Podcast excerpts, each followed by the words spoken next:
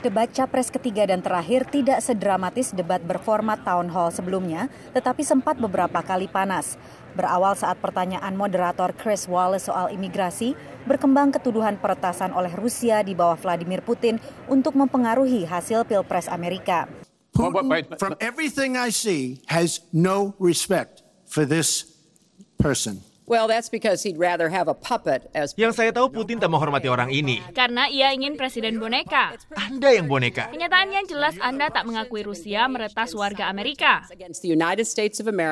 Perdebatan berlanjut ke isu ekonomi, keamanan, kontroversi email Clinton, serta omongan tak senonoh Trump terhadap perempuan. Silang pendapat kembali memanas ketika Trump ditanya apakah ia akan menerima hasil pemilu bila Clinton menang. What I'm saying is that Saya katakan, saya tunggu saja agar Anda penasaran. Chris, let me respond to that because that's horrifying. Saya harus merespon karena ini mengerikan. Setiap kali Donald kalah, ia selalu bilang semua direkayasa untuk menjegalnya.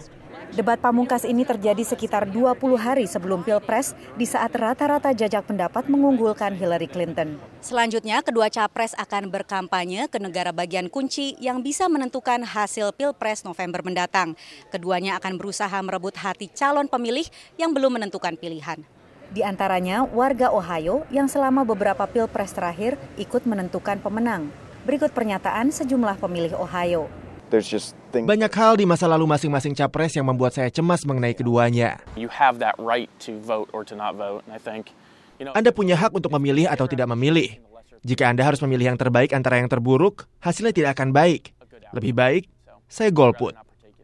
Pemilih golput dan pemilih yang belum menentukan pilihan di Ohio diperkirakan mencapai 15 persen pemilih, meskipun biasanya persentase ini menciut semakin mendekati pilpres. Seperti dikatakan Richard Exner, seorang pengamat statistik dari Cleveland.com. Sepertinya masih ada pemilih yang bimbang. Namun pertanyaannya sekarang, apakah mereka memang masih bimbang atau sudah memutuskan namun ingin bungkam saja? Ohio menjadi persinggahan pertama kampanye Trump dan Clinton usai debat pamungkas, yakni Trump di kota kecil Delaware, sementara Clinton di Cleveland. Dari Las Vegas, Nevada, tim VOA.